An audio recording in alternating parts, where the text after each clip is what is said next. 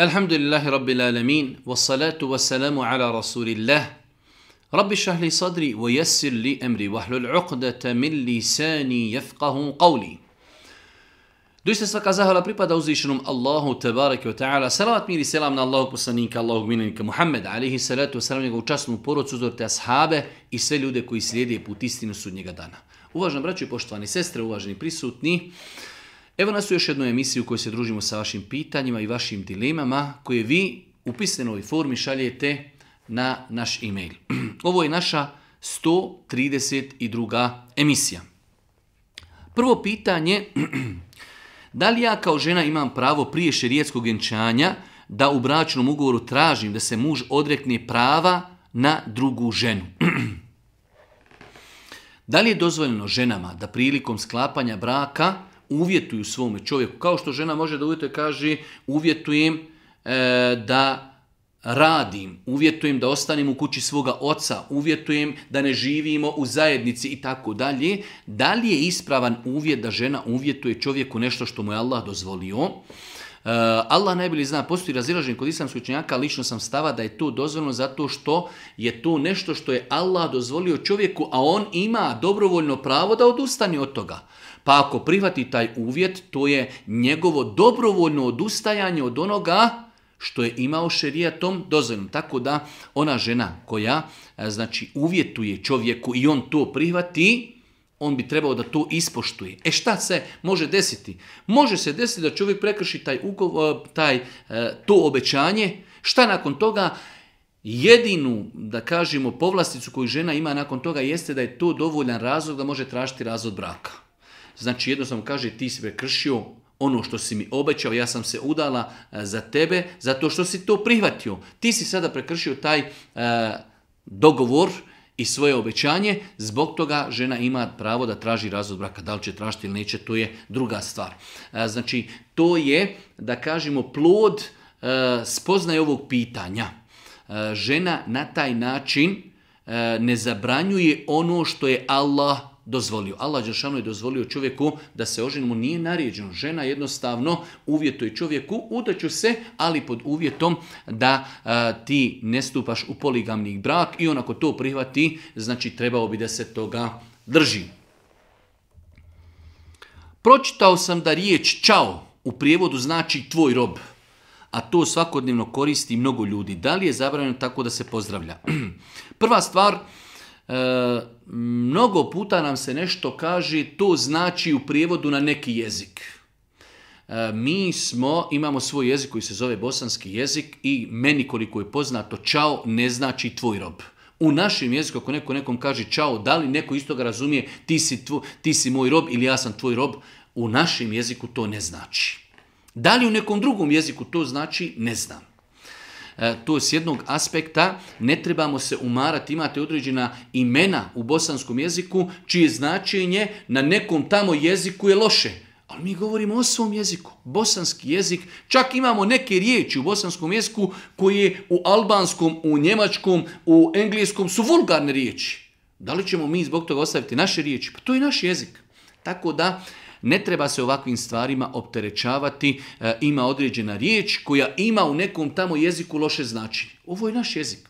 To je jedna stvar. Druga stvar, e, čao nije pozdrav muslimana muslimani imaju pozdrav eselamu alaikum prilikom susreta i prilikom rastavljanja. Znači kada čovjek se s nekim sretni eselamu alaikum rahmetullahi obrkatu, nakon toga može kako si, je se naspavo i tako dalje. I kada se ljudi rastaju, nažalost velik broj ljudi to ne zna, propisano da se ljudi po selami opet eselamu alaikum. Nema nikakvo čao, prilikom ulaska, pozdrav, ulaz, ulazak u kuću, ulazak u prodavnicu, ulazak u školu, eselamu alaikum, izlazak eselamu alaikum, alaikum selam. Tako da, e, odgovor na ovo pitanje, čao ne treba koristiti, nije to pozdrav muslimana, ali isto tako e, čao nije u našem jeziku ništa sporno u smislu da ima neko značenje moj rob, tvoj rob, koliko mi je poznato da to u našem jeziku ne znači.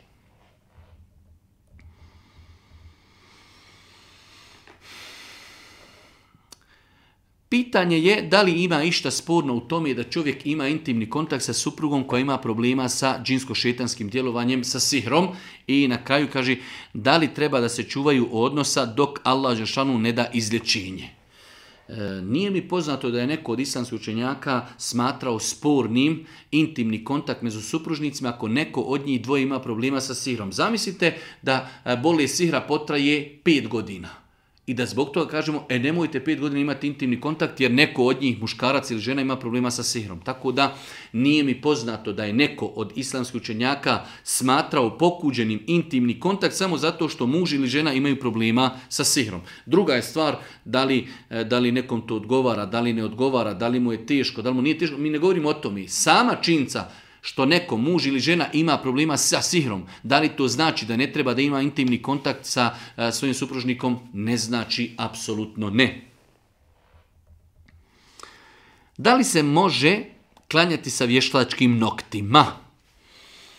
E, ako bi prihvatili činjenicu da je neko stavio nokte vještački nakon što je uzeo abdest, on tako može klanjati. Ali kada izgubi abdest, kako će ponovo abdest? Ti vještački nokti se veoma teško skidaju, tako da e, odgovor, znači da ne bi, ne daj Bože, nekom je učinili, ako insan, žena, uzme abdest i stavi vještačke nokte i ode klanjati, ili njim namaz validan jeste ali šta će kada izgubi abdest, ne može više abdestiti jer nije ispravan abdest preko vještačkih nokata koji su zalijepljeni na njene prirodne nokte, tako da ako bi žena pod abdestom stavila vještačke nokte i klanjala jedan namaz, taj namaz je validan ali nakon toga dolazi svako drugo uzimanje abdesta preko vještačkih nokata nije ispravno, samim tim nije ispravan ni njen namaz.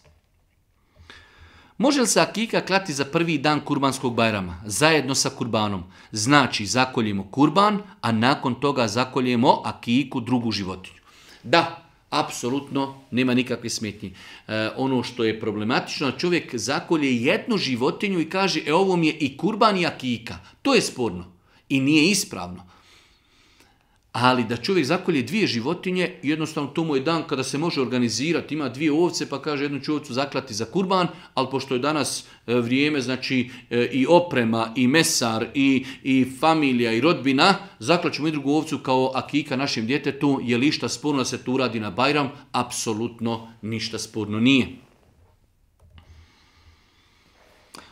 Negdje sam čula da je zabranjeno ženi muslimanki da putuje van granica svoje države bez mahrema i tako dalje, pa mi interesuje da li je meni dozvoljeno da idem u školu iz tog grada u taj, taj grad. Nije granica islama koju je postavio da neko bude musafir da ide iz države u državu. Možete biti blizu državnog graničnog prijelaza i za u sljedeću državu da uđete treba vam samo 10 km, 20 km. Da li ste samim tim što prelazite granicu druge države postali Safir Apsolutno ne. Za vrijeme Božih poslanika nije bilo granica, nije bilo država, tako da nije ispravno propis vezivati prelazak preko granici. Čovjek može da živi daleko od granice 5 km i pređe preko granice još 5 km. Da li on on safir Ne. Već su islamski učenjaci to vezivali za daljinu. Većina islamskih učenjaka je to vezivala za neki 80 km, iako je dio učenjaka to vezivao za urf i običaj. Ali bez obzira niko to nije vezivao za, za državne granice. Tako da e, može se desiti da imamo dijete koje živi u nekom gradu, u jednoj državi, taj grad je od granice 20 km. I ide u sljedeći grad u drugoj državi još 20 km i tu studira. Da li je mu safir? Nije mu safir, to je 40 km. 20 do granice, 20 od granice. Generalno je odgovor, e, Islam nije zabranio da žena putuje iz države u državu, već je zabranio da putuje putovanjem koje je otprilike dalje od 80 km bez mahrema.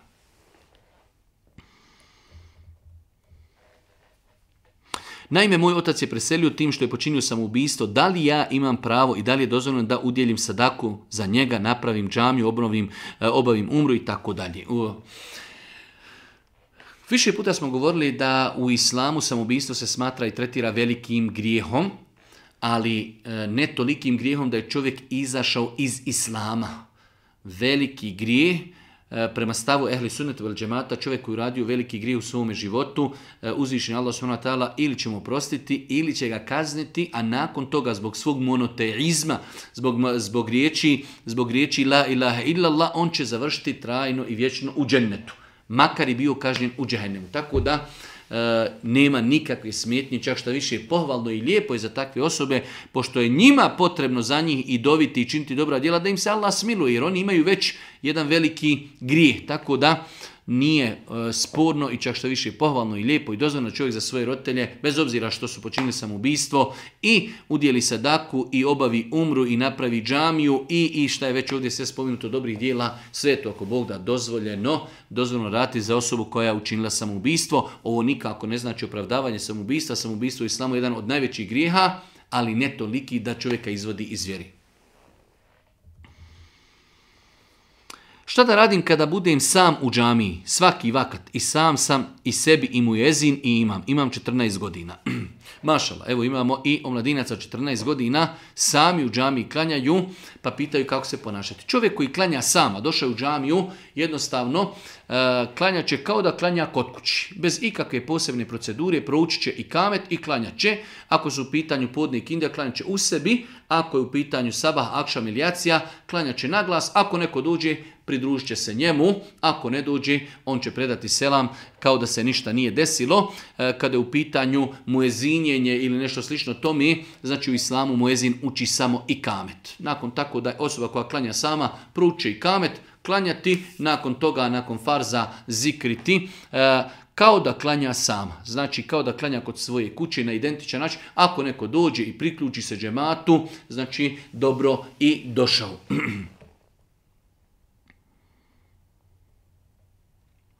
Jedno duže pitanje, da li žena koja putuje za vrijeme putovanja mora za e, vrijeme cijelog svog putovanja imati sa sobom mahrema? E, malo pitanje da pojasnimo primjer radi ako bi rekli da čovjek ima čirku koja želi da studira u Istanbulu. Da li mora sa njom njen mahrem cijelo vrijeme biti u Istanbulu dok ona se e, školuje? Ne. Ono što je bitno jeste da mahrem sa njom putuje. Znači ona kada putuje primjer radi iz Sarajeva do Istanbula, on treba mahrem sa njom da bude njen otac, njen djed, njen amidža, njen brat sa njom dovedu je do njenog stana u Istanbulu i nakon toga unutar tog grada ona živi i može živjeti bez Mahre. Mi ne govorimo sad je li to potrebno, nije potrebno. Svakako da je bolje da neko bude sa njom od rodbine i tako dalje. Znači, o tome ne govorimo. Mi govorimo sa aspekta šarijata, da li mahre mora biti cijelo vrijeme, znači, e, dok je žena negdje na putu, ne. Bitno je samo u toku njenog putovanja u toku, ona kada žena odsjedne u jednom mjestu i kaže ja ću sada ovdje živjeti naredni šest mjeseci godinu dana, mahrem nije uvjet da mora biti neprestano sa njom. Nadam se što smo razumjeli, naveli smo primjer ako bi čovjek imao čirku koja želi da studira u Istanbulu. Da li mora neko od njenih mahrema sa njom stanovati u Istanbulu? Ne. Treba neko od njenih mahrima da sa njom putuje kada ide u Istanbul i kada se vraća. A dok ona boravi u Istanbulu, dok se školuje, tu može biti bez mahrema s aspekta islama. Hoće li biti sa njom mahrem ili neće, s aspekta ili je strah, nije strah, treba joj pomoć, ne treba pomoć, mi o tome ne govorimo. Pozvani smo da prisutujemo na svadbi moje rodici. Ona se udaje za njemca, nemuslimana i tako dalje. Da li se zovemo? Apsolutno ne. Udaja za nemuslimana je zabranjena po konsenzusu islamskoj činjaka. Žena koja se udaje za nemuslimana čini jasno haram. Kao što se ne možemo odazvati na svadbu na kojima ima muzike, na kojima ima alkohola, isti je propis, ne možemo se odazvati na svadbu djevojci koja se udaja za nemuslimana i samim tim čini veliki grijeh. Znači naš dolazak tu je odobravanje tog grija. Kao što bi mi odobrili, e, došli smo na svadbu i pije neko drugi alkohol. Ne pijemo ga mi, ali smo odobrili dolaskom svojim tu, e, tako da e, osoba koja bude pozvana na svadbu, e, u kojoj se žena udaje za muslimana, na lijep će način kazati da ne može doći i pojasniti da će kazati to što radite šerijetom strogo zabranjeno. Nikad u islamu ni jedan učenjak nije dozvolio da se žena uda za nemusliman. Nikad. Konsenzus učenjaka da je to zabranjeno.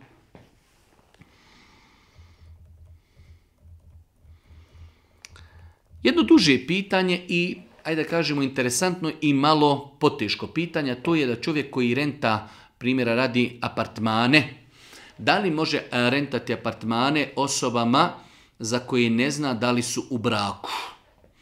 E, svakako ovdje jedno duže pitanje, čovjek je napisao da će napraviti pravilnik na kojem će napisati da oni koji rentaju nemaju pravo tu piti alkohol, slušati muziku, pušenje, tako piše u pitanju ali ostaje tamo, e, taj moment. U svakom slučaju, ako bi čovjek znao da dvije osobe koje dolazi rentati da nisu u braku, onda je njemu zabranjeno, zabranjeno da im to renta. Znači, ako bi čovjek znao, dolazi djevojka i čovjek i zna da nisu u braku.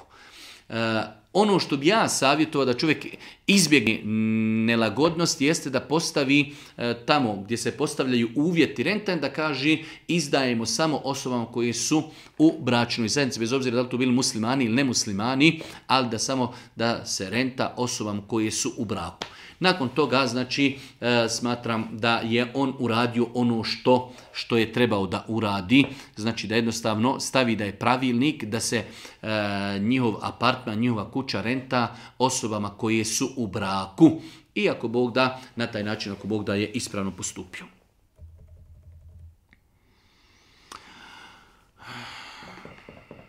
Kod nas je običaj da se prijeđe naziv uči tevhid u džamiji gdje prisustuju muškarci i žene. Po završetku dženaze žene idu u kući, a muškarci klanjaju dženazu e, i tako dalje. Da li je to ispravno? Generalno učinje tevhida nije propisano i najbliže što se može kazati za takvu stvar jeste da je to novotarija. E, znači stvari koje koristi Megitu jeste dova, jeste sadaka, jeste hađ, jeste umra. To su stvari koje su potvrđene organizirati bilo kakve ceremonije, manifestacije e, je e, na ovakav način kako se kod nas praktikuje prijeđe nazi, poslijeđen nazi e, odlaskom u kuću i slično to mi su stvari koje ni radio Boži poslanik, ali i se letu sram, niti njegovi ashabi. Da li ispravno da e, da kurban koji koljim dijelim svojim komšijama i rodbini, pa i braći i sestrama, a također i neki od njih kolju kurban? E, duže pitanje, ali je rezime pitanja da li mi kada dijelimo kurban možemo odnijeti kurban nekom koji je već kurban e, zaklao isto. Nema smetnje. Zato su islamski učenjaci kazali, iako to nije obavezujuće, ali da se kurban podijeli u tri trećine i onda jednu trećinu ostavimo sebi, jednu bijedi, a jednu prijateljima. Među tim prijateljima ima ljudi koji su zaklali, ali njima nosimo zato što su nam prijatelji, zato što su nam poznani, zato što je rođak.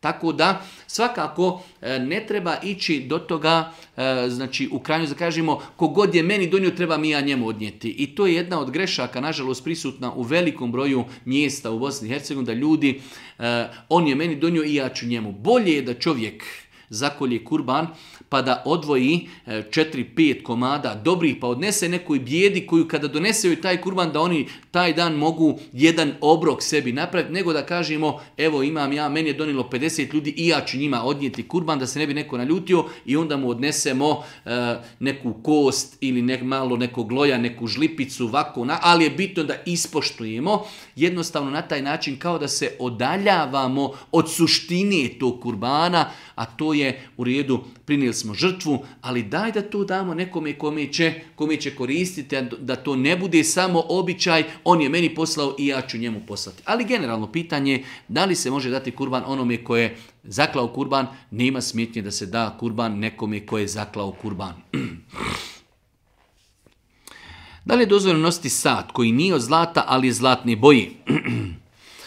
Ako je u pitanju doista samo boja, koja nije nastala kao plod miješanja sa zlatom, inšala zna to nema ništa sporno iz razloga što islam gleda u suštinu. To što mi imamo sahat ili nešto drugo, kašiku koja je, znači nama je muslimanima zabranjeno da jedemo zlatnim kašikama, ali napravljena kašika od legure koja je žuta kao zlato. Da li to nama zabranjeno? Apsolutno ne. Islam gleda u suštinu, ne gleda znači u vanjštinu. Tako da i u ovom slučaju ako je sahat žut, ali nema 0,001% ništa od zlata, zašto bi bio zabranjen da ga nosimo? Jedno duže pitanje, a radi se o tome, mi, e, znači, kaže čovjek, idemo na hađ, ako Bog da izbosne mi imamo uplaćen kurban, e, međutim, među hađijama se priča da je taj kurban dovoljan, da ne treba klati kurban kod kući tako dalje. E, osobe koje idu iz e, Bosne na hađ preko islamske zajednice, u cijenu e, hađa im je uračunat i hađijski kurban. Iako ova riječ hađijski kurban nije precizna i nije šerijetski opravdana, ali evo, tako, tako se naziva. Znači, u cijenu, kurba, cijenu hađa ulazi hađijski kurban. Taj hađijski kurban u arapskom se zove hedji. فَمَسْتَيْسَرَ مِنَ الْهَدِي. Allah Žešan u suri Al-Bekara kada govori o tim propisima kaže pa neka zakolje hedi. Osoba koja ide na vrstu hađa koju naš hađi obavljaju zove se temetu. Temetu je da čovjek e, dođe iz Medine u Meku, obavi umru i skine ihrame. Par dana bude bez ihrama i nakon toga na dan ili tervije ili dan arefata ponovo obuče ihrame. I taj period koji je on boravio u Mekki bez ihrama i bez ihramskih zabrana, znači je period uživanja i on se zbog toga u jednu ruku iskupljuje klanjem kurbana. Tako da kurban koji je uplaćen od strane islamske zajednice za hađije je kurban hađijski, sastavni dio propisa, hedji. U arapskom se kurban koji mi kući koljemo zove e, e, udhija. Skroz drugi termin, stroj drugi propisi. Tako da hađije koje idu na hađ, e, Mm, treba da znaju da onaj kurban koji je uplaćen, to je sastavni dio propisa. Kao što će dobiti i hrame, kao što će ne znam nija, e, isti je propis, e, taj kurban njihov je kurban sastavni dio hađa. Nema nikakve veze sa onim našim kurbanom kojeg mi koljemo kući. Tako da čovjek može reći ove godine ne želim krati kurban. U redu, to je njegovo pravo. Ali ako čovjek je imućan i želi da e, E, da kažem, ostane u toj svojoj nekoj tradiciji da kolje kontinuirano kurban, onda treba ili dole u Meki da zakolje kurban, ili da ostavi svojim rođacima, sinovima ili ne znam, nija je od komšija da kaže, e ovo je moj kurban, zakoljite e, znači, na dan kurbana u moje ime. Tako da onaj hađijski, takozvani hađijski kurban, on je sastavni dio propisa hađa.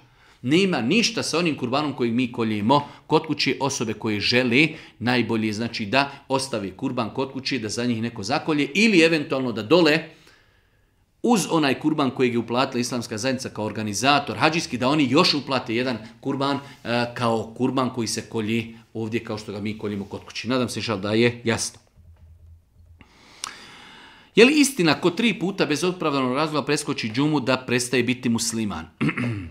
Imamo vjerodostojne hadise u kojima Allah poslanik ali se ratu selam strogo zabranio izostajanje, e, znači sa džume, pogotovo ako u pitanju izostajanje kontinuirano tri džume, iako je u pitanju bez razloga. E, čak se takvima prijeti da će uzvišeni Allah treba zapečatiti njihova srca. Ali, bez obzira što je ostavljanje džume grijeh i veliki grijeh, da li e, izostavljanje džumije čovjek postaje nemusliman, kao što je ovdje u pitanju? Ne postaje. Znači čovjek koji nije otišao na džumu tri puta, pa makar to bilo bez ikakvog razloga, on je i dalje musliman, ali je ogromni griješnik. Ali nije izašao iz vjeri. Normalno ovo nikako ne znači poigravanje sa propisima, ali ovo pojašnjavanje, ako ide ovo je pojašnjavanje propisa, osoba koja nije klanjala tri džume, e, znači iz neopravdanih razloga, uradila je ogroman grijeh, veliki grijeh, ali i dalje je u granicama islama.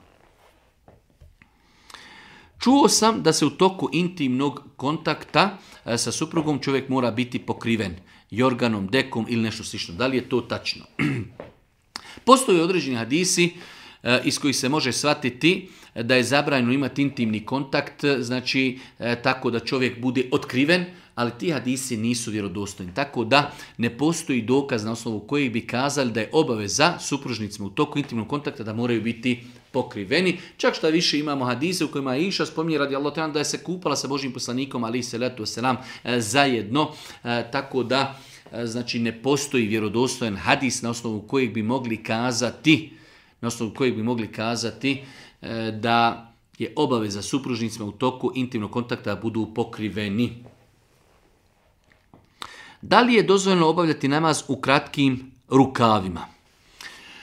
ako je u pitanju osoba muškarac, nima smetnje klanjati namaz u majici kratkih rukava. Znači, pitanje, ne znamo ili li od strane muškarca, posebno pitanje e, e ženi ako su u pitanju žene, nije ispravno. Znači, muškarcima je dozvoljeno klanjati namaz u majici kratkih rukava, za razliku od žena koji moraju pokriti znači sve do šaka. Sve do šaka znači moraju pokriti, e, da li će to biti džilba, da li će to biti tunika, da li će to biti neka košulja, znači nečim što nije prozirno i što će dosezati do, znači da pokrije članke, da pokrije znači sve do šaka. 20. pitanje,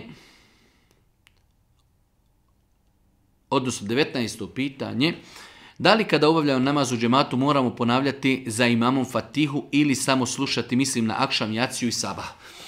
U pogledu ovog pitanja, da li je obaveza proučiti fatihu u sabah namazu, akšamu i jaciji, nakon što imam prouči fatihu, postoji jedno jako, jako, jako razilaženje.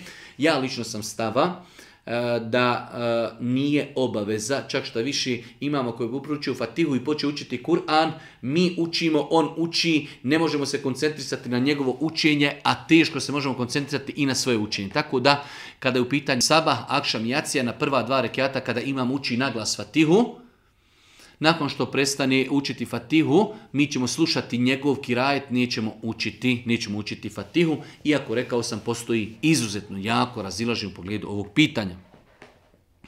20. pitanje, je li važeći kurban ako ga ispečem pa podijelim?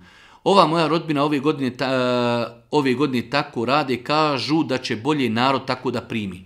E, nema smetnji da se kurban nakon što se zakolje ispeče i podijeli. Čak što više znajući, naš narod u većini slučajeva nije veliki ljubitelj ovčijeg mesa, tako da E, zna se desiti da ljudi čak i takvo meso bacaju. Za razliku od pečenog mesa nikoga neće baciti, bar mi nije poznato. Obrnuto tome mi ne volimo sirovo ovčje meso, a volimo pečeno. Tako da ako već ljudi vole pečeno meso i nama ne predstavlja problem da ga ispečemo, nema nikakve smetnje da se, mes, da se meso ispeče i da se podijeli ispečeno.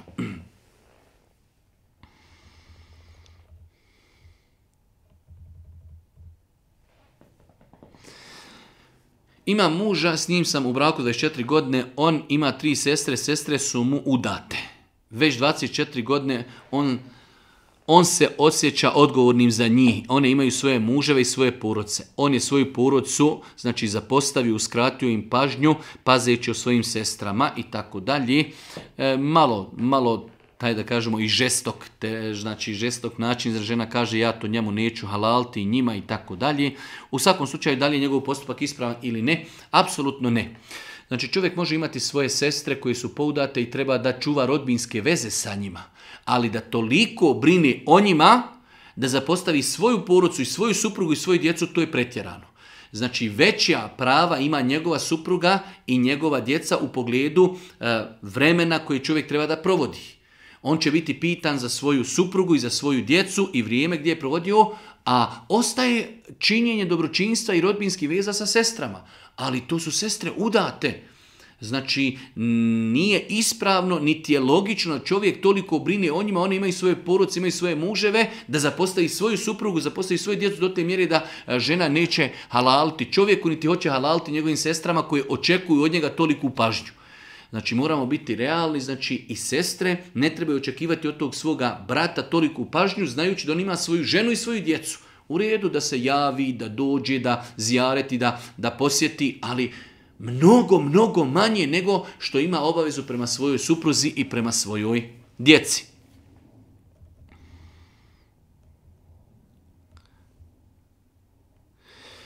Allah nas nagradio i pomogao i tako dalje. Jučer je imam obavio šerijetsko vjenčanje, međutim, otac djevojke nije bio prisutan, ni fizički, ni preko telefona, nego je dao svoju saglasnost prije deset dana kada su se familije srele i tom prilikom je isprošena mlada. Da li je ovakav postupak ispravan?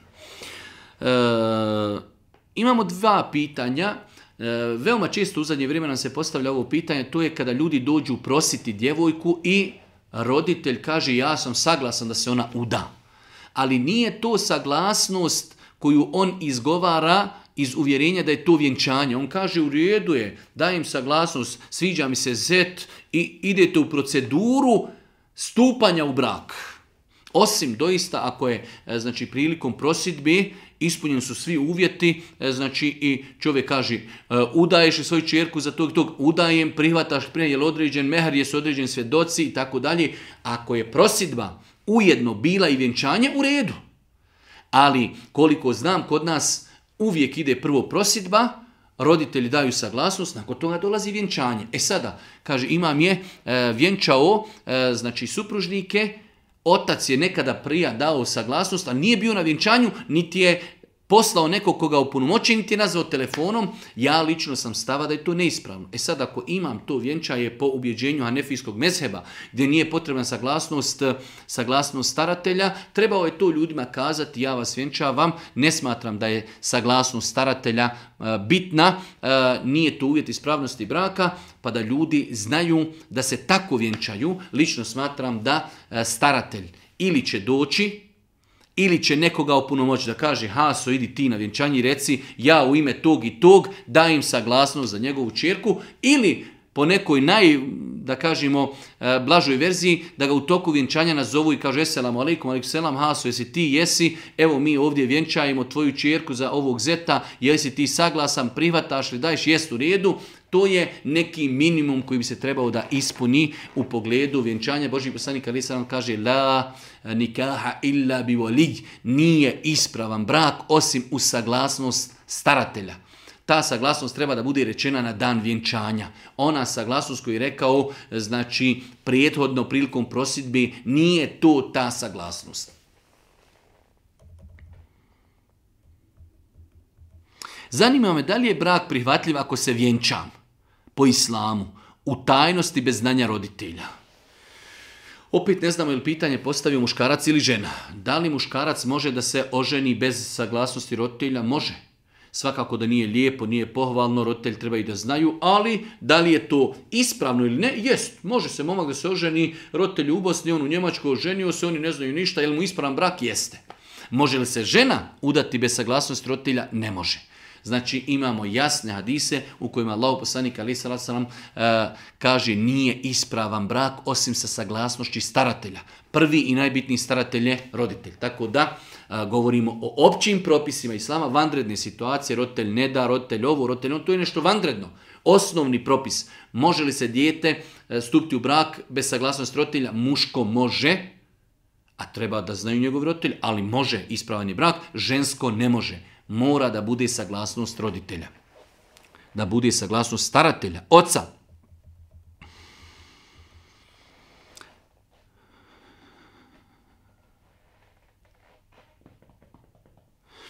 Na šta se misli ako čovjek stigne klanjati samo jedan rekat u namazu? Da li se tu misli na sunnete ili na farze? Allah poslanik ali se rad kazuje u hadisu ko stigne klanjati jedan rekiat ikindije namaza, farza, prije zalaska sunca, stigao je klanjati kindiju e, jedan rekiat se stiže ako klanjamo u džematu za efendiju da smo ga stigli prije nego što je on se vratio sa rukua. Kad imam u namazu klanja i došao je do četvrtog rekiata, zadnji rekiat. E, znači i mi smo ušli u namaz, on je rekao e, Allahu Ekber otišao je na ruku. Ako mi stignemo imama na ruku, rekli smo Allahu ekber i stigli smo otići na ruku, on se nije vratio, mi smo taj rekeat stigli. I znači ovdje u ovakvim situacijama prvenstveno se misli na farze. Jer je farz taj zbog čega ćemo biti pitani u islamu da čovjek ako je stigao klanjati jedan rekat, ako je namaz u pitanju četiri rekata, mi smo prvi rekat klanjali prije zalaska sunca. Ostala tri ćemo klanjati sunce zašlo, naš namaz jako Bog da validan ispravan. Ali isto tako i ako bi se klanjala i na fila u nekim sličnim varijantama, bitno nam je da smo počeli klanjati na filu, a ostatak možemo klanjati i kada prođe namasko vrijeme. Da li je haram piti Heineken bez alkoholno pivo? Jer pri kupovini toga finansiramo sam bred Heineken koji se bavi proizvodnjom alkohola. E, neko moje mišljenje da je to haram zbog toga. Možda griješim. E, generalno, čovjek kada postavlja pitanje ne treba davati na njega odgovor.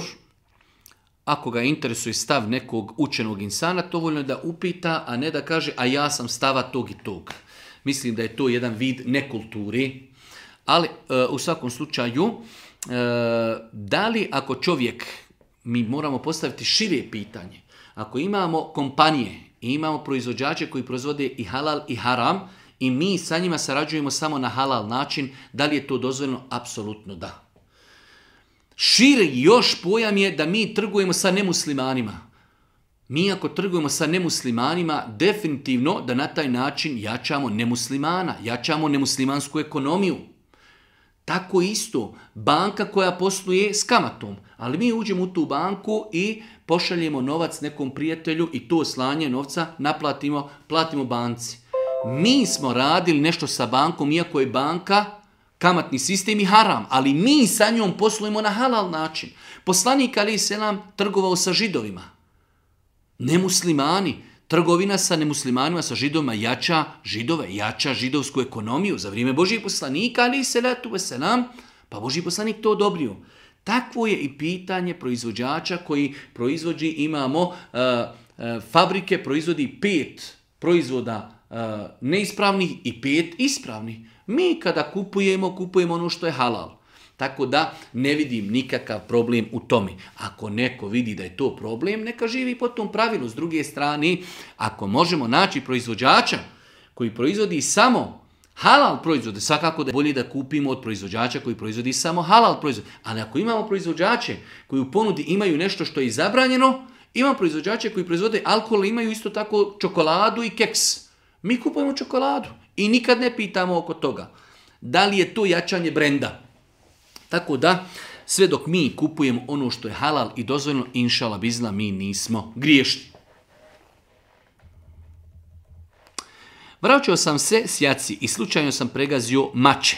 Pokušao sam stati, međutim vidio sam i tako dalje. U svakom slučaju, da li je to grijeh i da li ima neki iskup. Ovdje čovjek kaže, vraćao sam se s i slučajno sam pregazio. Ako se desi da čovjek nenamjerno autom, biciklom, motorom udari neku životinju, mačku, psa e, ili nešto drugo, on nije griješan jer je to nenamjerno. Kada bi čovjek namjerno udario autom, mačku ili psa, to je zabranjeno, to je, e, to je mučenje i iživljavanje života, to je zabranjeno. Ali čovjek je to radio nenamjerno. Mogu je tako udariti svoje rođeno dijete, nenamjerno. Tako da, onog momenta kada čovjek uradi nešto nenamjerno nije griješan, a u ovom slučaju kada je u pitanju životinja nema nikakvog iskupa, pošto je u pitanju životinja koja nije ničije vlasništvo, nema nikakvog, nema nikakvog iskupa i čovjek nije griješan, svakako treba paziti u životu kako vozi čuvati, e, paziti propise, ograničenja, ali bez obzira koliko čovjek pazio, može se desiti da životinja uleti pred auto i da je čovjek usmrti, E, znači čovjek zbog toga nije griješan. Zanimam da li smo dužni klanjati dva rekiata ako uđemo u džamiju prije ezana, na primjer, klanjali smo u džam, e, krenuli smo u džamiju da klanjamo podne i stigli smo 10 minuta prije. Hadisi Božeg poslanika su općeniti. Allah poslanik kaže nemojte sjedati u džamiji dok ne klanjate dva rekiata. Tako da čovjek kada god uđe u džamiju, pohvalno i lijepo, da prije nešto sjedne klanja dva rekiata. Je li mogu ja za novac koji bi dao za kurban da dam jednoj poruci koja je potrebna materijalne pomoći? Islamski učinjaci kada govore o ovom pitanju kažu da e, kurban je zaseban i badet i ograničen je. Tako da šta je bolje? Bolje je da čovjek zakolje kurban. Ali da li može?